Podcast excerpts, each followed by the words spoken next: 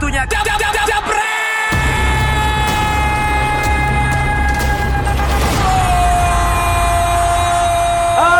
kembali lagi di DPI Dewan Pandit Indonesia dan kita akan membukanya dengan membahas timnas Indonesia. Bapak Fuad udah siap banget nih kayaknya Bapak Fuad ya. Ini nggak ada C-nya hari ini. Nggak ada, ini laki semua, batangan semua. Lo mau ganti Nesa sama atau enggak yang lain gitu? Gua dandan bentar ya. Dandan ya. Brewok lo sih nggak bisa ditutupin sih. Oke, udah barengan sama Om Sabto Haryo, Bang Fuad dan juga Bung Binder yang termalam kayaknya lanjut lagi Bung Binder ya ini. Tapi udah agak sehatan sekarang. Kemarin kan sempat nggak datang ke DPI. Harus dong untuk DPI kita sehatin. Mantap pokoknya. Oke, jadi Jebretas, kita akan ngebahas soal timnas yang baru aja menang 2 0-2 lawan Thailand dan juga akan ngebahas soal pertandingan hidup dan matinya Madrid dan juga ATM atau Atletico Madrid yang akan bertandang ke markasnya Juventus. Langsung aja Bapak-bapak sekalian ngebahas soal permainan tadi eh, timnas di SEA Games kita menang dari kandidat kuat itu Thailand 2-0 mungkin dari siapa dulu akan silakan. kandidat kuat. Target Thailand mungkin udah bukan SEA Games lagi sebenarnya. Tapi kan dia kan kemarin juga ya menang gitu kan. Apa mungkin ya udah nih kasih aja ke Ya, yang lain gitu. targetnya udah bukan SEA Games. Kita aja maruf belum pernah juara lagi. Makanya Tapi ya, ya? Enggak, menurut gua begini. Thailand walaupun target mereka mungkin bukan SEA Games tapi tetap mereka ngotot. Mereka tetap ingin jadi raja ASEAN. Kan sekarang mereka mendapat gelar nih raja ASEAN walaupun kita sudah kalahkan tadi mereka 0-2. Dan gua gak sepakat juga dengan netizen yang mengatakan ini tim B, tim C. Kalau tim B, tim C kualitasnya nggak seperti itu. Kualitasnya tetap bagus, mereka ngotot. Dan kalau mereka memang gak ingin bermain di SEA Games ya udah ngapain juga ngotot melawan Indonesia. Tapi kan mereka mau proof bahwa mereka ini rajanya. Dan rival atau tantangan ini hanya akan datang dari Indonesia. Tim-tim lain sebetulnya mereka sudah bisa kalahkan dengan mudah. Rival abadi. Iya, itulah istilahnya. Walaupun secara berbuyutan kan dengan Malaysia gitu. Ah. Tapi se- secara persaingan ya kita dengan Thailand. Nah dari tadi juga pas gue nonton emang eh, Thailand lebih banyak menguasai permainan ya Om Sabto ya kita ngeliat kayak eh, bener-bener dikepung gitu Indonesia dan kita pertama lewat set piece pertama kan yang dari sisi kanan terus juga ada counter attack nah kalau misal Om Sabto ngelihat dari permainan sendiri Indonesia kayak gimana Om tadi Om? Ya, ya mungkin kalau kita lihat sejarah dulu ya, Hmm. maksudnya Thailand tuh kan 11 kali juara 14 SEA Games. dalam 14? dal- dalam 13 perhelatan Oh, terakhir. 13 perhelatan, Itu ya, kan ya. gila itu kan Iya, 11 iya. kali juara. Bener-bener dalam- aja gitu Di- kan cuman diselingin sama, Sama Ma- Malaysia. Malaysia dua, Ya. sisanya Thailand. Itu kan Indonesia belum pernah ya Itu kan mau dia tim A, tim B, tim C, tim D, tetap aja mereka bisa jadi Iya, juara gitu kan. iya. Itu itu buktinya gitu. Mereka kan fokus ke di luar SEA Games kan udah lama juga kan. Mereka fokus ke atas, fokus ke Piala Asia, fokus ke Piala Dunia bahkan cuman once mereka ada di SEA Games, mereka turun di turnamen itu ya tetap mau juara dan sering jadi juara gitu kan. Berarti sebetulnya mental mereka itu nanti ketika sudah babak knockout. Biasanya seperti itu kan Thailand ketemu di semifinal mungkin saya rasa tidak akan apa menang dengan seperti ini gitu. Lebih lebih sulit lagi lah bagi kita menang. Cuman paling tidak di pertandingan pertama ini suatu suatu poin plus lah, su- sebuah sebuah harapan di mana kita yang tadinya dianggap waduh bakal kalah lagi nih ketemu Thailand habis beberapa hasil di timnas senior Ya. yang kayak gitu kita ketemu lagi dengan pelatihnya pelatih timnas senior mereka kan Ya, si Akira Nashino Akira Nishino. tapi kita Nishino. bukti eh, eh, Nishino, tapi kita buktiin kita bisa menang. Ya emang tadi Mario bilang Thailand walaupun kalah 2-0, tapi secara overall betul-betul mendominasi permainan. Berarti kalau bisa dibilang yang kurang greget itu Thailandnya apa kita emang Indonesia main bagus di, banget di nih? sepertiga terakhir, mungkin Ah. masalah Thailand dari situ. Karena kalau kita bicara possession, possessionnya jauh, mungkin 80% possessionnya Thailand. Hmm. Terus kalau eh, orang bilang possession bisa, cuman mungkin di daerah mereka enggak. Mereka di daerah kita 80% possession Bahkan itu. beberapa kali tadi sempat masuk ke kotak gue lihat babak masuk ke kotak. Cuman ya memang ketika masuk ke sepertiga terakhir tusukan-tusukan itu dan yang gue harus kasih applause di eh, di pertandingan tadi lini belakang kita luar biasa. Bagus. Betul-betul Bagas Adi, Andi Setio dua bintang yang luar biasa. Kalau gue kan tadi kebetulan dengerinnya Ah. itu siaran langsung di TV Malaysia. Jadi gue Oke, pengen dingin, oke. pengen denger Oh pan- jadi dia pandangan ngomongnya ma- uh, bahasa Malaysia. Bahasa Malaysia Gua- gimana? gua- gua pengen- Bagus-bagusin nggak? Bagus-bagusin. Oh, bagus-bagusin. Bet- betul dia bilang serangan balik counter attack Indonesia ngeri. Dia ngomong kayak Ngomong gitu. ngeri. Counter attack kita gitu Ya. kan berarti dan dia bilang defense kita luar biasa, disiplin, deep di dalam eh, ketika ada tusukan dari pemain-pemain Thailand ketika Asnawi agak sedikit maju, Bagas Dia Adi ngisi atau. Malaysia cepat cepat Nah, ngisi cepat untuk Ini kan ada ada tadi squad yang tadi ini 4-3-3 dari Indra Syafri. Tapi kalau lo ngelihat sendiri, kalau lo ngomongin defensif atau nggak pertahanannya dari Indonesia, memang dua back tengah Indonesia ini cukup mumpuni di match tadi nih Om apa gimana? Iya bagus megang Hmm. peran yang luar biasa. Andi Setio sebagai kapten juga bisa jadi Posturnya commanding. bagus. Betul posternya bagus, commanding defender dia tahu kapan nyuruh teman-temannya naik, kapan nyuruh eh, regroup dengan cepat ketika ada lubang-lubang kosong. Iya beberapa kali memang Kecolongan, kecolongan cuman cepat untuk anti- antisipasinya dan kiper kita juga tampil bagus juga. Ini ya, Antisipasinya mau- Kepa ya? Kapan dia motong. mirip Mirip, mirip sama dia. Kepa ya, mirip Kepa dari Chelsea. Pokoknya babak kedua tadi kapan dia mesti motong masuk tuh kan Ya. ada sempat bola Thailand masuk ke kotak penalti tuh ya. Cepet juga tuh dia motong gitu loh. Karena selain buntu di situ terakhir tadi Thailand kan berapa kali nyoba syuting dari luar. Betul, karena Tapi nggak berhasil, saking, ya. saking ketatnya pertahanan kita. Nggak bisa lagi. di- mereka tidak bisa masuk, bisa tidak bisa melakukan penetrasi. Memang salah satu solusi untuk memecahnya adalah melakukan tembakan-tembakan dari luar. Tapi ya itu tidak ada yang eh, shot on target, shot Oke. on target pun dengan mudah bisa ditangkap oleh eh, kiper kita, Nadeo. Nadeo. Jadi ya memang secara overall defense bagus, serangan balik bagus. Memang kalau misalnya harus melihat satu kekurangan, Oke. saya melihat transisi. Nah, tapi Transisi kalau dari uh, belakang udah oke, depan serangan udah juga oke. Nah, ini kita ngelihat lini tengah dari Indonesia nih, mungkin Bung Binder juga atau Bang Fuad bisa nambahin peran Evan Dimas sama kita bisa bilang Zulfiandi di pertandingan malam eh tadi sore itu gimana? Dari lo berdua melihatnya seperti apa? Kalau kita sekarang Sebagai lihat tim ini ya, pemain senior ya di tim eh, ini ya. siapa Evan Dimas Iya, kan? Evan Dimas Tapi dia kan pernah Zulfiandi. kerja eh, sudah pernah di bawah Indra Safri Iya. sebelumnya bawa menjadi juara. Safri. Soalnya kan si Indra 2013. Syafri sama Zulfiandi memang Juga. dekat sama Indra Iya, kan. itu dia. Evan Dimas Dan ya. kalau kita lihat kan peran Evan Dimas ini sudah berubah. Hmm. Ia tidak lagi menjadi perancang serangan. Ia harus bermain di sedikit ke dalam. Iya. Jadi dengan dia ditaruh sedikit ke dalam ini juga yang saya melihat kehilangan juga. Kita melihat Evan Dimas secara Jadi kurang maksimal. Jadi kurang Seca- maksimal secara bukan kurang maksimal, secara kualitas dia sebagai Nggak perancang. keluar. Ya, ini hilang. Tapi saya kira ini juga bagian dari strategi. Bagian dari strategi pelatih di mana di tim-tim besar lainnya juga di Eropa atau di Amerika Latin ada pemain-pemain yang dirubah juga posisinya agar memang bisa bermanfaat bagi timnas ketika di klub mungkin posisinya berbeda lagi. Nah, seperti yang apa eh, kita lihat di game tadi, Evan Dimas ini kan lebih banyak di belakang. Karena memang ia harus mengawal kreativitas para pemain Thailand. Justru yang gua melihat nih kecerdasan Indra Safri untuk bisa merubah permainan timnas Indonesia yang biasanya kita melihat menarik, menghibur bersama Indra Safri ini terlihat tidak menarik, khususnya di babak kedua. Lebih Pragmatis bermain defensif, pragmatis, pragmatis banget tapi ya. kita juga harus ketahui bahwa ini bukan first match Indra Safri dengan timnas U22 melawan Hmm. Thailand. Tahun ini mereka sudah bertemu ini yang keempat kali. Di tiga pertemuan sebelumnya dia dua kali kalah. Jadi artinya apa? Dia harus bisa belajar dari kesalahan Persiapannya itu. udah matang banget ya. Saya bi- tidak bicara persiapan, Oke, persiapan lebih- memang matang. Saya bicara bagaimana dia bisa belajar Aha. dari dua kekalahan tersebut. Belajarnya bagaimana? Ya udah ketika kita menyerang, kita juga jangan terlalu rakus untuk mencetak gol lagi. Kita main dulu sedikit menyerang, tapi babak kedua dia benar-benar bermain bertahan, tapi bukan istilahnya parkir base. Kalau parkir base, halau aja bola sejauh mungkin. Tapi ada upaya juga dari para pemain untuk merancang serangan balik. Itu. Masalahnya apa? Para pemain Thailand bisa cut di tengah. Tapi ketika mereka berhasil melakukan itu, ada beberapa peluang yang bisa mereka ciptakan sebelum gol dari Oswaldo Hai kan ada dua atau tiga peluang iya. Sebelum yang bisa tercipta. Walaupun itu juga berkat skill individual para Ya, pemain. itu yang mau gue bilang. Jadi sebenarnya secara taktik Indra Safri menurut gua nih maaf aja nih kurang istimewa nih Mas Sabto ya. Kenapa lo bilang bisa Karena- bisa ku- bilang kurang istimewa? Karena kalau lu lihat tadi mainnya di babak kedua tadi Hmm. kayak Bung Binder bilang banyak bertahan nih.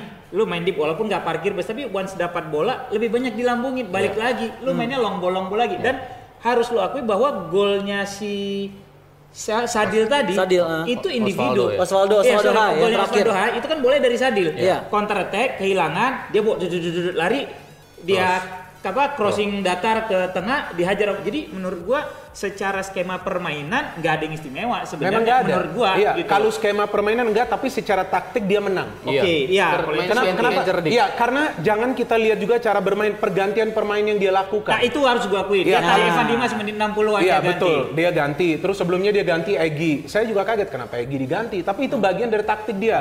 Kita menyulitkan yuk Thailand. Seperti yang gue pernah katakan ketika timnas senior ini kalah. Kita jangan berusaha bermain menarik, menghibur, indah. Bagaimana kita menerapkan taktik untuk melumpuhkan tim lawan. Itu yang tadi Coach Indra Safri menunjukkan di babak kedua. Babak pertama setelah kita mencetak gol kita masih ada peluang kok. Masih, iya, Kita masih masih. bermain menyerang. Tapi kan pelatih ini harus sadar, wah, gue kalau main begini terus nih di babak kedua mungkin kita Habis. habis. Ya, Lebih baik kita rubah dulu dan itu sesuatu yang tidak salah. Karena ia harus membawa tim ini meraih kemenangan dan gol yang tercipta walaupun itu individual kan cantik. Cantik kan? Iya, Bukan- dari bukan cantik, Ah, ya, bukan cantik. bukan keberuntungan juga, Ya. tapi ada sebuah proses yang melibatkan dua bahkan tiga, Tiga pemain, tiga pemain dari tiga pemain. Dia bawa. Iya, Iya. Oke, menarik kalau tadi Transisi, uh, Bung ya. Tinder ya. Ta- tahan dulu Om Sabto. Kita akan ngelihat uh, ini eksklusif dari Jebret Media untuk preskon dari Coach Indra Safri tadi habis pertandingan. Silakan langsung ini dia kita lihat. Assalamualaikum warahmatullahi wabarakatuh. Waalaikumsalam. Eh, Alhamdulillah kami memulai eh, turnamen ini dengan baik. Kemenangan tadi eh, sungguh sangat berarti untuk eh, kami bisa bersaing di grup B ini. Oleh sebab itu eh, terima kasih kepada semua para pemain yang tadi apa yang kita rencanakan eh, bagaimana game plan kita menghadapi Thailand eh, benar-benar eh, terjadi. Termasuk gol pertama dari set piece corner kick yang eh, kami desain dan menghasilkan gol. Ini yang sangat memuaskan. Ada hasil rancangan yang berbuah hasil positif Oke, menarik yang tadi di uh, ngomongnya sama Coach Indra Safri dibilang terima kasih buat para pemain. Terima kasih juga sudah menjalankan game plan dengan baik untuk match ini. Tapi Om Sabto melihat dari kalau tadi kan uh, dua bapak-bapak ini bilang nggak istimewa dari strateginya Indra Syafri. Lo gak setuju ngomong atau gak nggak? istimewa, gue bilang dia harus melakukan itu agar memang meraih kemenangan. Permainannya memang tidak menarik. Ah, Ya, gua Tapi bilang itu bagian dari cerdik. taktik lah. Apa, dari kita harus harus cerdik kan. Kita tahu Iya, Thailand. Thailand bagaimana mainnya. Betul. Kalau kita ngegas terus, Thailand dengan mudah akan bisa melakukan Counter, serangan. Kita makin terbuka kalau kita menyerang. Tapi kan ini di, di- dengan matang eh, dicermati oleh Indra Sama mungkin Safri. stamina gue potong. Stamina kalau kalau ngegas, kalau ya. ngegas terus mungkin Menit ke 70 60, 70 habis 60 70 akan akan habis juga. Cuman kalau gue lihat kekurangan mungkin ya transisi itu Apa kan. kurangnya kira-kira? Ya, transisi, transisi. Ketika kita diserang, kita merebut bola, itu satu dua kurang. sentuhan bola udah hilang lagi. Ah. Itu itu kan kadang-kadang positioning pemain ketika transisi itu terjadi, siapa yang harus ada di mana, siapa yang harus ada di mana ke- untuk meng- mengembalikan bola tersebut ke ke arah Thailand. Atau gitu. paling nggak mengancam Thailand lah. Betul, cuman kan begitu satu sentuhan dioper kepotong hilang. Berapa Hmm. kali seperti itu? Baru setelah sekian lama di- dicoba-dicoba akhirnya Iya, ketika baru lolos berhasil. baru bisa menjadi gol kan. Kita butuh itu kan ketika kita main defensif, kita ketika kita begitu rapat dalam melakukan pertahanan, pemain Thailand kadung maju ke Kepancing. depan, kepancing ke depan, ada lubang yang jauh di antara Ada gap lah pemain dia, pemain dari sama Iya back. betul, begitu jauh itu yang harusnya kita manfaatkan. Cuman begitu cepat, terburu-buru mungkin belum mulusnya transisi. Ini yang harus kita perhatikan. Jadi PR untuk uh, match selanjutnya nih ya Iya, lawan Singapura. Ya, Mas- tapi masih belum tentu Vietnam juga, juga. match selanjutnya dia akan Pendekatannya sama. defensif. Ini kan karena lawan Thailand. Pendekatannya bisa jadi Dan- beda. dan Jadi defense- menurut lo lawan Singapura bakal lebih greget lagi, bisa Enggak, lebih nyerang kan lagi. dia lawan def- dia defensifnya juga ini saya tidak katakan defensif tapi Hmm. ini bagian dari game plan. Dia harus bertahan secara disiplin. Hmm. Artinya merapatkan barisan. Kalau kita berbicara defensif tidak ada upaya dari pemain untuk mencoba melakukan counter. Ya. Dan ini kan karena melawan Thailand dia melakukan itu di babak kedua. Lawan Singapura saya kira pasti akan menyerang. Mereka harus meraih kemenangan lagi agar memastikan di game-game selanjutnya masih ada Vietnam. Ya. Vietnam juga tidak mudah dikalahkan. Oke. menang Nah, 2-0 neraka kan. ini. Grup neraka ya. menang 6-0 nah, kan oh iya. Kita sebelum Myanmar, ngomongin uh, match selanjutnya nih, tapi kalau misalnya dari pemain sendiri deh untuk match ini, menurut bapak-bapak ini sekalian kan pemain siapakah yang bisa di highlight untuk match ini tadi sore? Sadil. Sadil. Sadil. Kenapa lo alasannya Asnawi kenapa Sadil, Sadil? ya, kenapa?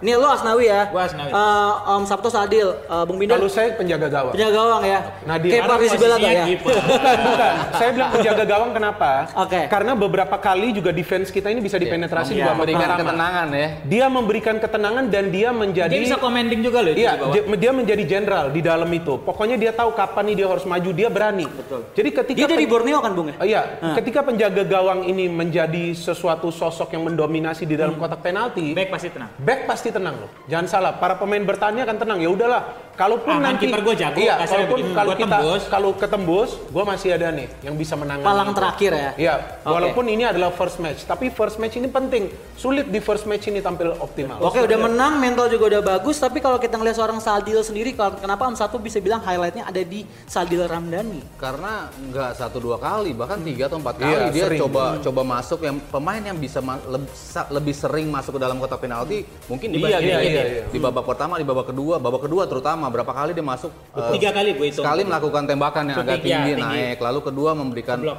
umpan juga ke blok, lalu yang ya satu lagi yang menjadi Jadi asis. Ya. Itu kan juga butuh sampai 2 3 pemain untuk jaga dia. Itu kan pemain yang berarti di highlight juga sama pemain Iya. Thailand kan. Mereka kita harus jaga dia tidak bisa hanya satu dua orang, bahkan tiga orang untuk bisa nutup pertahanan dia. Oke, kan ini kalau kita lihat juga tadi update ada Singapura Laos 0-0. Nah, Bang Fuad ngelihat peran Evan Dimas sebagai pemain senior untuk match selanjutnya deh. Lu ngelihatnya gimana? A- akankah lebih bisa lebih greget dari match ini? Kan tadi lu bilang sempat tadi pas offer, kayaknya Evan belum keluar eh, penampilan maksimalnya nih. Kalau Iya. lu Bang Fuad gimana? Kalau menurut gue sih ngelihat dari berapa kali main dia terakhir kayaknya dia udah mentok sih gitu. Kenapa men- bisa mentok? Nah itu gue nggak tahu kenapa dia bisa mentok. Nah, lo kan bisa ngelihat lo, lo lihat gitu ya Nggak, apa kalau namanya kalau, Evan ta- Dimas kalau mainnya. tadi Ah. mungkin ya karena ya tadi kan Binder bilang dia sekarang lebih Dia- defensif. iya, dia biasa di DM. biasa Lebih DM ya? Biasanya dia mendapat proteksi dari Gelandang. Zulfiandi. Hardiono dulu Ah. kan. Dia lebih bebas untuk Sekarang explore. dia harus Sekarang dia justru harus menjadi siapa pemain. Gelandang serang kita itu Gelandang serang di sini Abimanyu. ada Abimanyu. Abimanyu. Abimanyu Iya, AA. dia Ya, harus melindungi dia itu. harus melindungi dia. Di, peran dia kan berbalik. Jadi ketika mendapat bola, ketika dia biasa untuk melakukan Iya. tidak ada yang memprotek dia berapa kali hilang kan tadi Iya. kan. Dan Dan- dia, coba untuk iya. pivot, dia coba untuk Dan kedua peluang. kan skema serangan tidak mulai dari tengah, dari kedua penyerang Sayap. sayap. Iya, wingback. Nah, Dari jadi dia harus cepat melepas bola itu. Jadi kalau kita melihat kreativitas tidak lihat seperti Evan Dimas yang dulu. Tapi ya kontribusi dia tetap bagus di babak pertama dan dia ditarik itu saya kira bukan karena dia capek atau lelah. Memang Strategi itu harus, jadi. Strategi. harus diganti oleh pemain yang lebih agresif. Betul, dan ketika masuk Irianto, defense kita lebih Defense kuat lagi, lagi, iya, rapat lagi betul. Karena emang posisi naturalnya itu juga kan gitu. Oke, terus kita ngelihat match yang hari Kamis di tanggal 28 lawan Singapura. Ada yang bilang kalau misalnya kita menang, mentalnya pasti ba- baik, pasti bagus. Tapi ada yang bilang juga ini bisa jadi bumerang buat timnas sendiri. Udah PD menang awal lawan Thailand, di match berikutnya malah melempem. Lo eh, bertiga melihatnya seperti apa?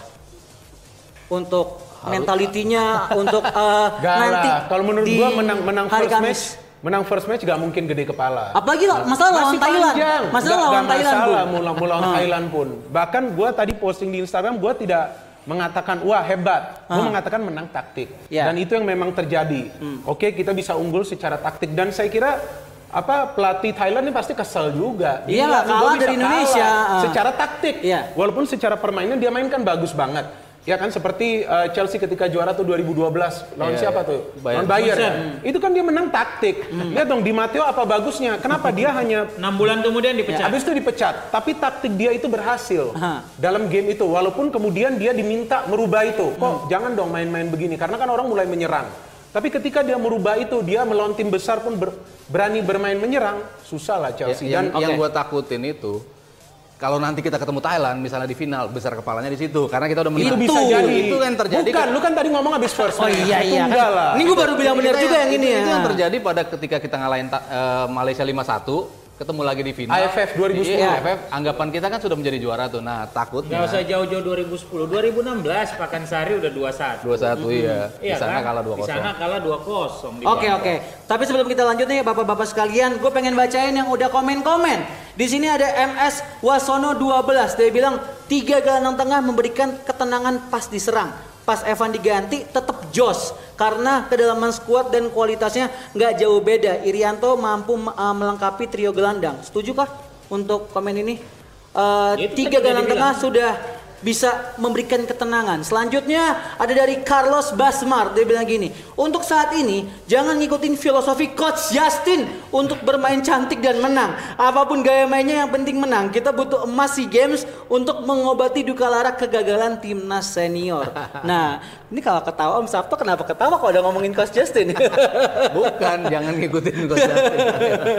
maksudnya ya ini kan ngebuktiin gitu kan Lau- kita nggak harus selalu cantik di setiap pertandingan Hmm, yang penting menang. ya yang penting menang Lihat lawan juga. lihat lawan juga Ya. kita custom terhadap lawan gitu Hmm. kan gimana lawan seperti ini kita main seperti ini adjustment kan gitu. Pendekatan terhadap Pendekatannya lawan tuh- itu selalu beda-beda, Just- justru bisa di si- disamain. justru di situ terlihat bagaimana kayanya Pelatih. seorang pelatih dalam meracik strategi tidak Iya. hanya bisa menyerang tapi bagaimana di, punya defense yang kuat tapi tetap mencetak gol itu kan juga Iya. se- sebuah apa sebuah hasil dari kerja keras kan nggak mungkin lu defense terus defense terus tapi lu nggak nggak mencetak gol gitu kan tapi lu bisa mencetak gol dua itu kan suatu suatu Lawan Thailand. juga bahwa Lawan Thailand lagi. lagi itu kan berarti kan apa yang lo pelajari apa yang lo minta dari anak-anak di deliver dengan sempurna. Tapi paling nggak mungkin gue tambahin sedikit mas, si coach Justin itu juga, eh sorry, Justin lagi. si Lo lah kangen sama Coach Justin. Gue telepon nih, gue telepon, gue telepon dia gimana? tahu dia punya pemain-pemain yang cepat nih. Iya. Ya, jadi dia berani main bertahan dalam. Iya, bisa juga. Begitu bola dapat lu lebarin. Karena kan tadi berapa kali tuh emang sayap kita masuk sampai Asnawi. Iya, iya. Sampai tadi komentar bilang kan kalau Asnawi yang pertama itu gol tuh bisa di gol terindah turnamen nih. Walaupun baru satu pertandingan gitu. kayak begitu Ada, gitu. artinya kan kelelahan apa semua tidak Di- terlihat. iya, Nah, terlihat. Padahal bertahan itu lebih capek. Capek, lu ngejar bola Iya, masalahnya. ketika kita ada latihan, ya kan walaupun gue main amatiran, kan latihannya kita Emang dulu main di mana, Bung? Sabar dulu kasih gue Oh ya sorry. Jadi kita main defend and attack. ya kan defend and attack apa? Kita ada enam pemain Enam yang, yang harus bertahan, menyerang, enam yang yang- bertahan. ya. Yang capek itu bukan yang menyerang, Pak. Siapa? Yang capek itu yang bertahan, apalagi bertahan hidup berat. Wah. Maka itu Dia curhat ya. Bertahan itu lebih berat. Iya benar. Ada yang masih punya sangkutan belum ini? Sama Bung Binder. Boleh loh. Orangnya gak nonton. Oh nggak nonton. ya udah, berarti kalau buat konklusinya nih eh, bisa ngelihat dari match ini nih menurut bapak-bapak sekalian. Kenapa lu panggil kita bapak-bapak sih? Masalahnya saya paling Hanya muda di karena sini. kita ada brewoknya.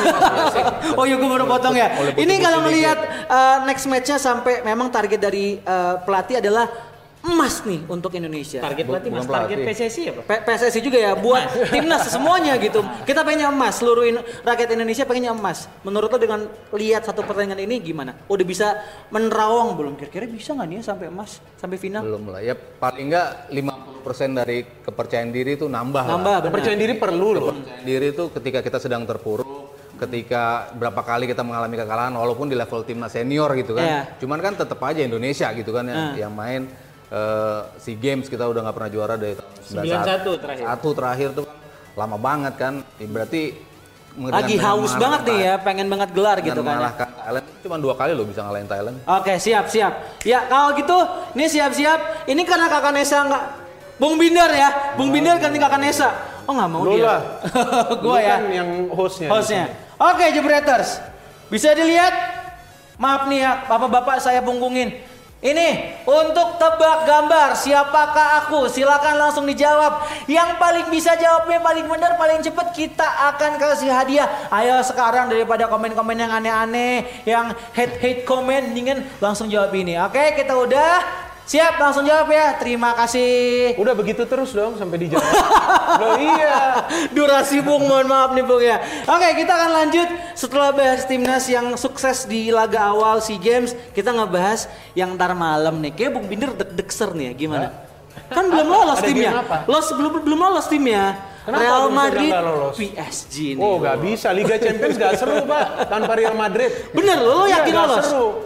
Nggak seru dong. Nggak seru ya? Nggak seru. Nih. Madrid pasti lolos. PSG, Juventus sama Bar eh, Munchen udah lolos nih ke babak selanjutnya. Cuman kalau kita ngelihat entar malam Madrid katanya tiket udah habis. Siapa untuk satu stadion di media banyak. Oke. Ya, ah. Percaya lo? Percaya gua media masa media luar. Sebetulnya kenapa itu laku? Bukan untuk lihat PSG, untuk melihat Lihat Mbappe? Untuk melihat Real Madrid bagaimana. Oh. Dan lu tahu ini yang akan diserang siapa? Bale kalau nanti main. Pasti. Karena ini Oh iya karena karena ini matchnya nih benar-benar akan disorot. Mhm. Jadi ketika kemarin itu mereka cemooh kepada Bale, itu kan pertandingan liga biasa. Ya. Kalau di sini Bale main, wah ini berat bagi Tapi kalau misalnya Bale bisa bikin gol dan bisa membawa menang Madrid gimana menurut Begini, lo? setiap pemain itu kan profesional. Hmm. Mau dia suka atau tidak suka, selama dia masih dikontrak, tentu ketika dia diturunkan dia harus menjalankan tugasnya. Ini tapi gue ngomongin kalau ke fansnya, kalau fansnya uh, Bale bisa bikin gol gitu, bisa bikin membawa kemenangan buat Madrid, apakah akan dicintai lagi sama fans Saya Madrid? kira enggak. Enggak. Karena kan dia eh, menyerang klub itu Uh-huh. dalam suatu venue yang sebetulnya tidak terkait, dalam satu event yang sebetulnya tidak terkait di dengan klub. Piala Eropa ya. Dan dia punya problem ini kan sebetulnya bukan dengan fans, bukan dengan Hmm. klub, tetapi dengan Zidane. Yang di awal sudah mengatakan tidak perlu Gua mau pakai lagi tapi, Bale tapi ya. ternyata dipakai lagi kan karena memang Bale-nya juga tidak hengkang. Hmm. Tapi sekarang kan Madrid menjaga image klubnya. Bagaimana menjaganya? Dia kembalikan Bale. Oke, gak apa-apa kita simpan dulu nih pemain. Kita kasih lagi dia chance main. Jadi yang menang siapa yang menang Real Madrid. Iya pasti karena lu Kasus pendukung Bale, Real Madrid apa? Kasus Bale bisa sama dengan bisa disamain dengan kasus Beckham dulu nggak yang kata Kapilo dia nggak mau pakai lagi? Hah? Di mana itu? Yang di Beckham Madrid. kan yang waktu di Madrid kan Capello bilang kan sempat nggak mau pakai lagi. Kalau kalau kalau kalau Beckham ini kan menurut gue di MU juga udah gak kepake sampai akhirnya langsung dia dijual Bukan ke karena nggak kepake. Oh, bukan, Bung. bukan. Tapi Karena emang udah dia berantem sama Sir Alex. menurut versi Sir Alex. Iya. Oh, ya Iya karena berantem sama. Sir Alex kan. Bukan soal berantem, Sir Alex sudah melihat wah pemain ini nggak bisa gue pakai lagi. Udah. Mungkin udah nggak fokus segala Ah. macam. Dan Sir Alex itu kan bisa juga scouting pemain loh. Dia yang melihat Itu Ronaldo setuju. ketika itu bermain, kemudian dia dipaksa juga oleh pemain-pemain MU untuk Hmm. uh, membeli Ronaldo. Siapa yang membuat Ronaldo memoles Ronaldo menjadi pemain yang cerdas itu Sir Alex. Hmm. Dia yang bisa memberikan masukan. Bahkan Ronaldo pun berapa kali mengatakan itu. The best. Artinya Sir Alex juga udah melihat itu daripada Beckham. Capello juga pelatih yang disiplinnya tinggi. Hmm. Ya kan bahkan ketika dia tidak setuju dengan FA Inggris soal John Terry, dia mengundurkan diri. Padahal menurut saya itu salah satu pelatih terbaik yang pernah dimiliki Inggris, walaupun dia bukan pelatih lokal Inggris. Ya. Kalau nggak salah itu sebelum Piala Dunia itu dia mengundurkan Ya. diri. Dia, dia Nah. mengundurkan apa diri. Tapi kalau kita bicara soal Madrid PSG, selain faktor Bale, ya kenapa ini sold out? Karena juga materi pemain dari tim lawan ini bagus-bagus. Apa mungkin ini penyambutan ada kutip Mbappe nih ke Santiago Bernabeu? Menurut Enggak, ini kenapa ada gimana? Hazard ini sebelahnya? Karena katanya eh, ngarep banget Zidane Hazard bisa main sama Mbappe. Padahal posisinya hampir sama loh dia. Iya, tapi Main menurut lo, ya? iya, menurut lo ini bisa nggak sih jadi semacam membuat Mbappe merasa disambut di Santiago Bernabeu? Menurut Bung Binder Dia kan tim lawan. Menurut saya dia nggak bakal disambut sebagai hero. Ya, tapi Dia sebagai- justru akan emang sebagai lawan Dia ya. justru akan diberikan Pressure. pressure. Nah, itu oleh, mentalnya. Oleh, oleh fans Madrid dan bagi Madrid kan siapa pun pemain yang masuk yang penting ini tidak berlawanan juga dengan pemain-pemain lain. Contoh, Hmm. ketika Neymar mereka mau coba rekrut, Neymar sendiri kan sudah mengatakan dia tidak mau ke Madrid, dia Hmm. ingin kembali ke Barcelona. Kalau Neymar main dan kemungkinan dia main, justru Neymar ini yang akan menjadi sorotan. Karena Neymar ini berani menolak Real Madrid. Luis Figo ketika bermain di Barcelona, dia mau pindah ke Real Madrid. Karena kan dia Neymar sudah- pengen balik ke Barcelona, Bu. Siapa? Neymar kan pengen balik ke Itu Barcelona. Ya Tadi itu udah yang gue udah bilang, aduh. gue udah capek-capek juga Iya, iya, dari iya. ngoceh, jadi Iya, terus terusin terusin lagi, terusin lagi, terusin lagi, terus. Jadi terus. pas nyampe Ah. pas nyampe di bandara si Neymar eh, di bandara Madrid terus langsung diinin tuh. Buruan lo sono pindah ke Barcelona lo nggak usah nggak usah nggak usah lama-lama di sini gitu. sini, ah. Digituin si Neymar. Ini Cuman kan Barcelona yang ngomong ya. kalau kalau kasus Mbappe kan emang dia di pertandingan awal musim ya kalau nggak salah si ketika Hazard pertama kali main justru teriakan di stadion kan Mbappe Mbappe. Iya, iya, iya, betul, itu betul. main main pertama. Iya itu main, main main pertama. Berarti kan sebetulnya publik Madrid itu memang pengen gitu. Apalagi si Bale seperti itu just- justru Bisa menjadi jadi. bisa menjadi substitute yang sangat pas gitu loh kalau mereka mendapatkan Mbappe karena memang sosok kebintangan yang mereka hilang dari Ronaldo itu belum bisa ditambal sama itu Hazard. dia. Hazard. Di Madrid sekarang nggak punya Galactico. Oke. Betul. Hazard itu dianggap tadinya mau seperti itu tapi Nggak Tapi sampai, belum perform ya, nggak belum perform. Dari performa nggak nyampe, dari penjualan kaos nggak nyampe, dari level kebintangan pun ternyata nggak semewah Ronaldo. Memang mereka masih butuh sosok yang seperti itu. Memang masuknya Mbappe itu ya pas banget kalau gue bilang ya untuk untuk menjadi pengganti pengganti Bale. Cuman kalau Bale gue rasa sih memang kayaknya nggak bakal main starter ya. Cuman kalau bakal mentok Madrid, kayaknya bakal Bisa turun. Dimainin. Bisa, bisa. Andalan. Jadi Karena menurut- kan lawan lawan Sociedad ya, Ah. itu publik Madrid pun Langsung ngebuin, langsung gimana sama dan, dia dan kan? publik Madrid men- menilai pertandingan lawan Sociedad itu pertandingan eh, pertama di awal musim di mana mereka mendapat tekanan yang keras dari sisi eh, pertandingan, Pertandingan, ya. ya. Mereka di pressnya eh, begitu bagus, lalu mereka tidak eh, Ball- lo- ball position ball kalah kalau juga Berarti kalah. konser Real Madrid buat lawan PSG nggak bakal bisa menang dong? Emang emang ini kesulitan yang satu step lagi di atas Real Sociedad. Jadi Sociedad udah dianggap susah, akhirnya mereka menang. Salah satunya dengan masuknya Gareth Bale juga. Gareth Bale. Ada perubahan, Perubahan permainan permainan di nih mana. Gareth Bale masuk. Jadi ketika nanti mereka buntu, bukan mustahil juga kalau Bale justru harus dipanggil lagi oleh Zidane untuk masuk sebagai pemain pengganti. Tapi lo ma- masih ada kemungkinan menang Madrid di match ini, apalagi Enggak, main kenapa tanya kemungkinan ya? Pasti menang dia Pasti ini. menang, Dia- ya kan karena lo PSG Madrid. Ini, PSG ini kan tim apa? mainnya. Dia kapan pernah masuk ke final Liga Champions? Emang belum pernah. Maka itu dia kan menangnya karena materi pemain. Ah. Tapi musim lalu juga dia mentok kan di round of 16. Iya. Iya. Ya? Iya, sama MU lawan tuh ya. siapa? Ah, lawan MU. Ah. Walaupun MU-nya habis itu hancur Eh ya udah nggak usah tanya yang MU-nya. Cedera semua juga pemain Ah. pemain apa? Nah, tapi kalau kita ngomongin PSG sendiri ini. nih, Bang Fuad sekarang boleh nambahin. Ngelihat Neymar yang lagi berantem sama Tuchel.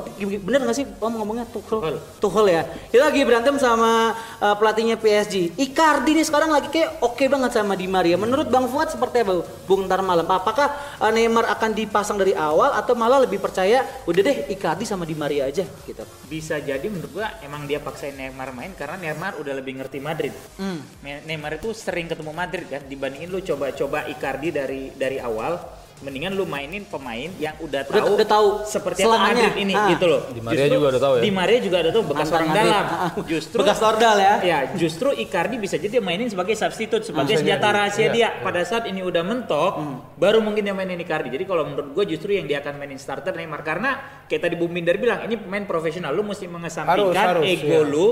Misalnya lu ribut sama siapa pun, karena masih ada hierarki lebih tinggi Iya, nih. betul, betul. Iya kan? Betul. Ya lu mesti nekan itu ya lu mainin Dan- the best. Dan gue pengennya Neymar main biar dia berhadapan dengan Ramos. Ramos kan main nih Iya. game ini dia- karena first, karena pertemuan pertama Ramos gak Iya. main. Iya. Dan Absen. sa- satu lagi faktor Neymar juga gak main. Iya, faktor yang PSG nanti datang ke yang gue bilang kenapa Madrid bisa kayaknya seri deh, nggak usah kita nggak usah bilang kalah. Kayak Ada Keylor Navas Keylor Navas. seri. Nggak apa lu punya lu punya Nih, excuse apa? karena Jelasin. satu gini, Di Maria- biar lebih banyak yang Iya iya, di Maria banyak eh, yang bilang tahu dalamnya Madrid karena Ah, terus? juga pernah di Madrid. Keylor Navas, kiper bekas Madrid nih bisa ngasih tahu ke teman-temannya di pertama PSG. kalinya Iya. Keylor Navas akan- iya ngasih tahu ke teman-temannya di PSG kalau ternyata oh ini cara mainnya anak-anak Madrid nih gini loh. Jadi mu- kemungkinan PSG menurut gua bisa nahan Madrid di kandang kalau menurut gua. Enggak kalau juga, itu itu kan tergantung strategi dari Ah. Zidane. Kalau dari Bang Fuad ngelihatnya Madrid sama PSG Ya gue sih menang Madrid. Menang Madrid tetap ya? Menang Madrid, menang. Karena satu juga gue rasa PSG tidak akan terlalu ngotot. Kenapa? Karena dia Udah beda- lolos. Udah lolos. Ah. Selisih sama Madrid 5 poin pak. Jauh, jauh, jauh. Jauh, ya. Jauh lu. tapi nggak mungkin kendor juga dong. Loh, enggak lu kenapa ngotot? Ini dia logis loh. Iya, iya, iya, iya. Jangan sampai pemain ada yang cedera juga. Betul kan? Itu. Dan dan Neymar jadi Urut buat PSG di Prancis 12 ya? urutan berapa sekarang? PSG di atas lah dia. Di Urutan atas. satu ya? Iya, Cuman di atas di atas. Cuman ini logis. Kenapa? Tetap yang akan turun pemain-pemain inti. Iya, cuma Tapi mereka akan enjoy the mau, game. Lu mau injak gas dalam apa lu mau setengah Iya. aja nih dulu lu gantung gitu loh. Karena Jadi- selisihnya jauh. Jauh. Jauh. Jadi mendingan si PSG nggak usah injek gasnya nggak usah dalam-dalam Lo gitu. bukan mendingan mau dia injek dalam pun dia dibantai. Tetap dibantai ya udah karena dia. Lu lihat dong Galatasaray aja 0-0. Ya, Lu jangan jangan galanya samakan. Galatasaray dengan PSG Lu- gitu. Jangan lu jangan galanya yang jelek. Madridnya bagus, Pak. Apa? 6 gol bisa cetak Madrid. Nah itu kan beda, ini kan PSG sama Galatasaray ya beda dong. Kelas Apa- pemainnya, yang juga beda. sama. Maksud gua Galatasaray aja bisa dibantai 6-0. Ah, ah. Apalagi PSG yang cuma mengandalkan Mbappe sama Neymar. Oh, eh, oh Keylor gitu. Navas lu kira gak berutang budi kepada Madrid? Kenapa bisa bilang lu utang Buka budi? gawangnya nanti saat dia udah deh lu menangin. Lah, nggak bisa. eh, ini malah nggak logis. Ah, itu ini nggak logis menurut gua. Kan pemain profesional harusnya, Bung. kayak Harusnya gitu. gitu. Apa saja bisa terjadi di Ya pertandingan tapi kalau bisa kan? logika lo Justru- adalah Keylor Navas akan ngebuka gawangnya buat Madrid ya nggak Lu mungkin. kalau ngomong logika, seharusnya Keylor Navas gak terlalu berpengaruh dengan pemain-pemain PSG lain. Hmm. Ini baru musim pertamanya. Tapi kan dia tahu banget tentang Madrid seperti dia apa. tahu? Coba lu ngomong ke gue sekarang. Dia Apa sekarang udah nganter Madrid banyak uh, Ah, terus? menang trofi segala macam. Terus dia juga ba- balik lagi sekarang pertama kali sebagai lawan di Oke, Santiago sekarang Bernabeu. tanpa Keylor Navas. Sama pembuktinya, dia dibuang bukan, kan. Bukan, bukan dia dibuang, memang dia memang dilepas. Karena mereka ada Courtois, mereka mau berikan Tapi Courtois chance juga- juga jelek kan sekarang Sekarang mainnya. kan lumayan. Ya kan dia kembali lagi dapat kepercayaan. Dan penjaga gawang itu kan juga performanya tergantung kepada defense. Ah. Ketika di first leg, eh, ketika di pertemuan pertama memang Neymar gak main. Saya kira itu sebuah kejutan juga PSG bisa menang telak. Oke, dia orang menang. 3-0 ya? Iya, dia orang menang. Itu kalah Madrid ya? Iya, Madrid Kalah. Tapi maksud gua Berapa? sebelum 3-0, sebelum Madrid kalah itu Jangan tanya lagi ntar emosi dia. Oh iya, terus. ya. Maksudnya se- sebelum Madrid kalah 3-0 itu kan mereka tidak terkalahkan. Ya, Di La. Liga. Nah, itu sebuah shock juga bagi mereka. Wah, kita kalah nih besar 3-0. Padahal mungkin mereka masuk juga dengan kepercayaan diri karena mereka kan pernah mengalahkan Paris juga dua musim sebelumnya Iya. di fase 16 besar 16 juga. besar, Tapi ketika iya. itu kan ada Ronaldo. Beda, ini tim yang baru. Hazardnya belum klik. Jovic gue gak ngerti kenapa dibeli. Sampai sekarang makanya gue gak bisa kasih alasan. Karena banyak gol di Iya, karena mencetak puluhan gol lah atau belasan gol Gue ini masih banyak ini gue bikin Nah, siapa ya, gue beli Jovic aja deh, udah gitu aja kali kalau Nah, Jovic. cuman gue tadi mengatakan Keylor Navas kenapa? Menurut gue Keylor Navas juga mau berbuat apa di Bernabeu? Ya kan dia lama bermain di sana. Mau tidak mau dia adalah penjaga gawang yang dulunya itu hanya dikenal ketika bermain bagus di Piala Dunia. Dan tidak banyak penjaga-penjaga gawang atas uh, asal Amerika Latin yang diberikan kepercayaan lama. Claudio Bravo juga tersisi di Barcelona karena formnya tidak bagus. Keylor Navas dikasih terus form. Akhirnya memang ini kan keputusan dari manajemen klub. Dan ketika Navas dijual kan bukan Zidane pelatihnya. Betul kan? Ya udah ganti dong. Iya udah ganti. iya, kan? udah ganti. Artinya bukan Zidane kan Ah. kalau ada Zidane pasti ditahan Keylor Navas. Oke. Dan kalau ngomongin soal Zidane nih Bung Tapi Binder, entar, apa? entar. Ya udah. gua mungkin bisa jadi nih Bung Binder ya. Nafas itu emang pengen ngebutin karena dia berapa kali mau dibuang Madrid sebenarnya. Iya, maksudnya ada ada Waktu plus Madrid ada plus ngejar Iya, De Gea, iya, Gea cuma karena mesin fax Betul, nggak jadi. betul, iya. Tapi yang satu harus kita akui itu di. Madrid dia punya profesional tuh sangat Of bagus course, ya nggak iya. sakit hati nggak Betul, segala betul, betul. diantar juara champion. Itu gitu bedanya loh. dia sama Bale kan? Ya. Betul kan? Itu bedanya dan seperti Casillas yang memang keluar, Casillas juga sakit hati Sakit dan hati. dia dia juga dicemooh oleh fans Madrid. Tapi Padahal akhirnya- legend itu. Iya, padahal dia legend. Tapi ketika dia sakit, semua fans Madrid bahkan pemain mendukung dia lagi Hmm. agar dia lekas sembuh. Bahkan dia dikatakan ayo lebih baik kembali ke Madrid, Kembali ke Madrid. menjadi Menjadi salah pelatih. satu staf pelatih. Staff, ya. Kalau Bale kita sakit, kita majukan. ya. Kalau Bale, Bale latih Wales. Bawa dia ke Piala Dunia buktiin dulu. Kalau Zidane kan udah juara di Piala Dunia. Iya. Jadi jadi pemain superstar seperti Ronaldo pun tidak bisa berbuat banyak Hmm. terhadap Zidane. Dia sudah berprestasi dengan Dia masih tunduk Madrid. lah. Dia masih tunduk. Itu yang gua katakan. Nafas ini kan dijual bukan karena Zidane yang melepas. Hmm. Zidane sudah mengundurkan diri. Jadi itu adalah keputusan pelatih Lopetegui. Lopetegui. Ya salah dia juga lepas. Menurut gua gak benar juga Nafas dilepas. Tapi kan itu udah terjadi. Oke. Dan jangan kita katakan faktor nafas yang akan bisa membuat PSG ini menang. Faktor materi pemain PSG yang outfield ini menakutkan menurut gua. Hmm. Seperti apa menakutkannya? Di Maria, Di Maria, ya mereka kan. Hmm. permainannya kan direct dan mereka memiliki confident karena teknik mereka ini tinggi-tinggi di Maria, Yang back aja dia Thiago Silva. iya, Rabio, Adrian Rabiot. Iya, ini bagus-bagus pemain-pemain. Ya udah, berarti kalau dari tadi Bung Winder udah, makasih Bung. Kalau Om Sabto lihat Oh, prediksi kan gua masih di Iya sini. nggak apa, maksudnya makasih tadi kasih tahu tanggapannya logikanya tentang Kelor Nafas. Mungkin mau roti bakar dulu Ah, biar Coni agak kalem mana sih? gitu. Nah Om, makasih ntar- kan biasa di Udah selesai, maksudnya pulang lo gitu kan. Salam dulu hostnya. Ya, Om, prediksi ntar malam berapa berapa deh? Madrid PSG. Kira-kira seri. Jangan sebagai fans Barcelona. Iya, jangan seba- sebagai fans Barcelona lah. Maksudnya kan mereka kalah di pertandingan pertama gitu ya. Cuman ini justru ngebuktiin ketika setelah mereka kalah itu, mereka kan berubah nih. Ya. Gaya mainnya berubah, komposisi pemainnya berubah, hasilnya pun berubah gitu kan. Makin ke sini makin mendapat kemenangan. Cuman lawan-lawan yang dihadapi itu belum dapat ini nih, belum dapat apa lawan yang bisa dikatakan kualitasnya tuh se- setinggi PSG lagi nih. Iya. Kemarin orang mengatakan lawan Sociedad itu salah satu eh, lawan yang berat gitu, tapi berhasil mereka kalahkan. Nah ini ujian nih. Kalau mereka mainnya sama kayak waktu la- lawan PSG di sana, habis, Madrid Habis, habis. gua. Karena terlalu banyak ruang-ruang kosong eh, dan komposisinya pada waktu itu Fede Valverde belum bermain kan. Terus yang yang di depan Rodrigo pun belum bermain. Iya. Masuknya Fede tuh jauh banget bisa meringankan beban dari Casemiro. Casemiro tuh bisa menjalankan perannya dengan luar biasa ketika di backup sama eh, Valverde di situ. Jadi Madrid tuh lini tengahnya bisa kembali hidup setelah masuknya Oke. Fede. Nah, ini salah satu poin plus bagi eh, Real Madrid untuk bisa memenangi pertandingan. Cuman kalaupun Kalau menang buat menurut angka gua kayaknya tipis. ya. Kalau Bang menang Fuad, ya. Bang Fuad. Bisa jadi 3-1 ini Mas. Oke, kalau Binder Kalau gua nggak- balikin 3-0 lagi Enggak, yang kemarin. 3-0? Menurut gua 2-0 cukup. 2-0 Udah. cukup ya? Kita Oke. buktikan nanti. Oke, kita tungguin besok ya hasilnya di DP kita akan ngobrol-ngobrol lagi dan kita akan lanjut ke match selanjutnya nanti malam juga akan Lu seru cukur juga. gitu lagi Mar, nggak Apa? gua kasih jadwal siaran Oke, anjing. selanjutnya seru, selanjutnya adalah soal Juve lawan Atletico Madrid nih.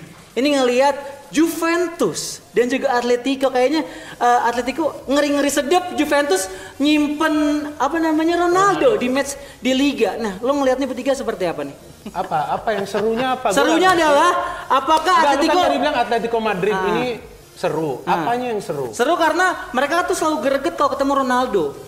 Dan juga uh, sebenarnya rekornya mereka ketemu Juventus tuh mereka menangnya lebih banyak daripada Juventus. Ah, gitu. terus? Nah, terus ntar malam nih Juventus udah pasti lolos, tapi Atletico-nya tuh pengen lolos juga kalau misalnya menang. Nah, Atletico harus menang, Harus menang gitu. gua. Maksud gua adalah uh, pengaruhkah adanya Ronaldo atau enggak di klub Juventusnya sendiri? Karena Juve itu adalah tim player. Ah. Ronaldo ditarik masuk di bala, di bala bisa cetak gol. Ah. Masih ada Higuain lagi. Ronaldo betul terpengaruh melawan Atletico Atletico. Madrid. Ah. Tapi saya kira dia bukan menjadi senjata utama. Ini kan hanya untuk menakuti aja secara Iya. cyber kita nih ada Ronaldo. Tapi Sari ini gua menurut gua pelatih yang salah satu sulit ditebak. Mhm. Dia berani loh melakukan pergantian. Bahkan belum tentu nanti Ronaldo akan bermain full. Main, iya. Iya kan? Karena kan dia Dua, punya dua kali tujuan. dia ditarik ya. Dua kali diganti. Bisa juga nanti diganti lagi.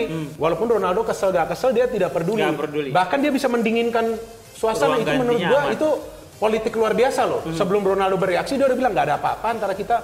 Ronaldo pasti mengerti betul. Ronaldo akhirnya ngomong seperti dia juga. Ini pelatih yang sangat cerdas dan main, main politiknya pintar. Dia ngomong aja dulu nih gua ada Ronaldo. Dia, dia bilang juga seorang pela- pemain kalau marah diganti berarti dia punya Hasrat untuk menang. untuk Itu menang dia, yang dia bilang besar. itu. Itu- Dia itu kan pembelaan dia kemarin. Dia bilang Padahal mungkin dia gitu. kesel juga. Iya. Iya dong. Pasti benar, dia benar. kesel kan dia kan pelatih di sana. Iya. Tapi dia mencoba untuk bermain politik. Nah maka itu lu belajar main main beginian. Main- Artinya main apa? bagaimana lu bisa mancing gua agar gua emosi. Lu mancing-mancing gua kok gak emosi. Oh ya belum Panji pinter. tuh yang udah pinter. Panji. Belajar Tapi, lah. Oke, Bang Fuad, tapi ngelihat Atletico Madrid yang uh, memang pengen lolos ke babak selanjutnya, apakah mungkin bisa menang di kandang Juve ntar malam? Menang nggak? Dan sama lagi kayak tadi, selisihnya itu tiga poin. Atletico tuh Hmm. Ini ya, butuh ada statistiknya dari Atletico Madrid yang minim gol Iya. banyak draw ya. Iya, banyak Ya. bro dia. Bisa jadi paling juga dia nggak akan ngegas-ngegas banget karena dia main terakhir masih lawan si siapa? Lokomotif, ya. Lokomotif, Nah, ya. diplesetin juga kan Iya betul. Kenapa? Iya. Betul. one game at a time kan Iya. satu pertandingan apa eh, konsentrasi tiap pertandingan Iya. gitu. Cuma Ah. sekarang one draw at a time karena, One karena mereka selalu draw, Draw gitu. terus ya. bukan satu pertandingan tapi satu hasil seri yang yang ke depannya jadi orang mungkin lihat ini hasil seri lagi cuman ngeliat Morata balik lagi balik lagi Partey juga bisa main lagi kayaknya komposisinya cukup untuk bisa menyulitkan Juventus untuk bisa Atletico menjadi tim yang Sekedar sulit kayaknya nggak menyulitkan sih oke. Tapi nggak bakal bisa menang Bang Fuad. Nggak kalah nggak. tapi tapi nggak menang juga. Dan rekor Juve di apa Dele Juventus Alpi. Stadium kan bagus banget. Iya. Dan sekarang juga memang dia lagi 14 track recordnya lagi bagus juga di liga 14 kan. 14 laga berturut-turut Nggak nggak pernah kalah kalah. kalau nggak. Nggak pernah kalah di stadion barunya. Dan mereka gak Di main bagus juga bisa menang. Mhm. Seperti lawan Milan kemarin kan, gak main bagus menang, menang tipis-tipis saja. Mirip Oke. Liverpool juga dia. Selanjutnya berarti prediksi dari Om Sabtu sendiri berapa berapa ntar malam Untuk Atletico Atletico imbang kosong kosong. Apa Imbang. ada gol? imbang dengan gol. Imbang dengan gol. Kalau Bang Fuad gimana Bang Fuad kira-kira? Bang Sama gue imbang dengan gol sih sama Mas Sabto gue sepakat. Sepakat ya kalau Gue beda dikit lah, Beda dikit. gue Juve menang tipis. Juve menang tipis. 1-0 lah. 1-0 ya. Terus jangan lupa kalau misal lo pengen jadi pandol nih kita ingetin terus hari Senin depan lo kirimin aja alasan kenapa kita pengen pilih lo ke DM Instagram aja Jebret jadi Media. host pasti bagus tuh. Apa Bang Fo jadi host pasti bagus Bang.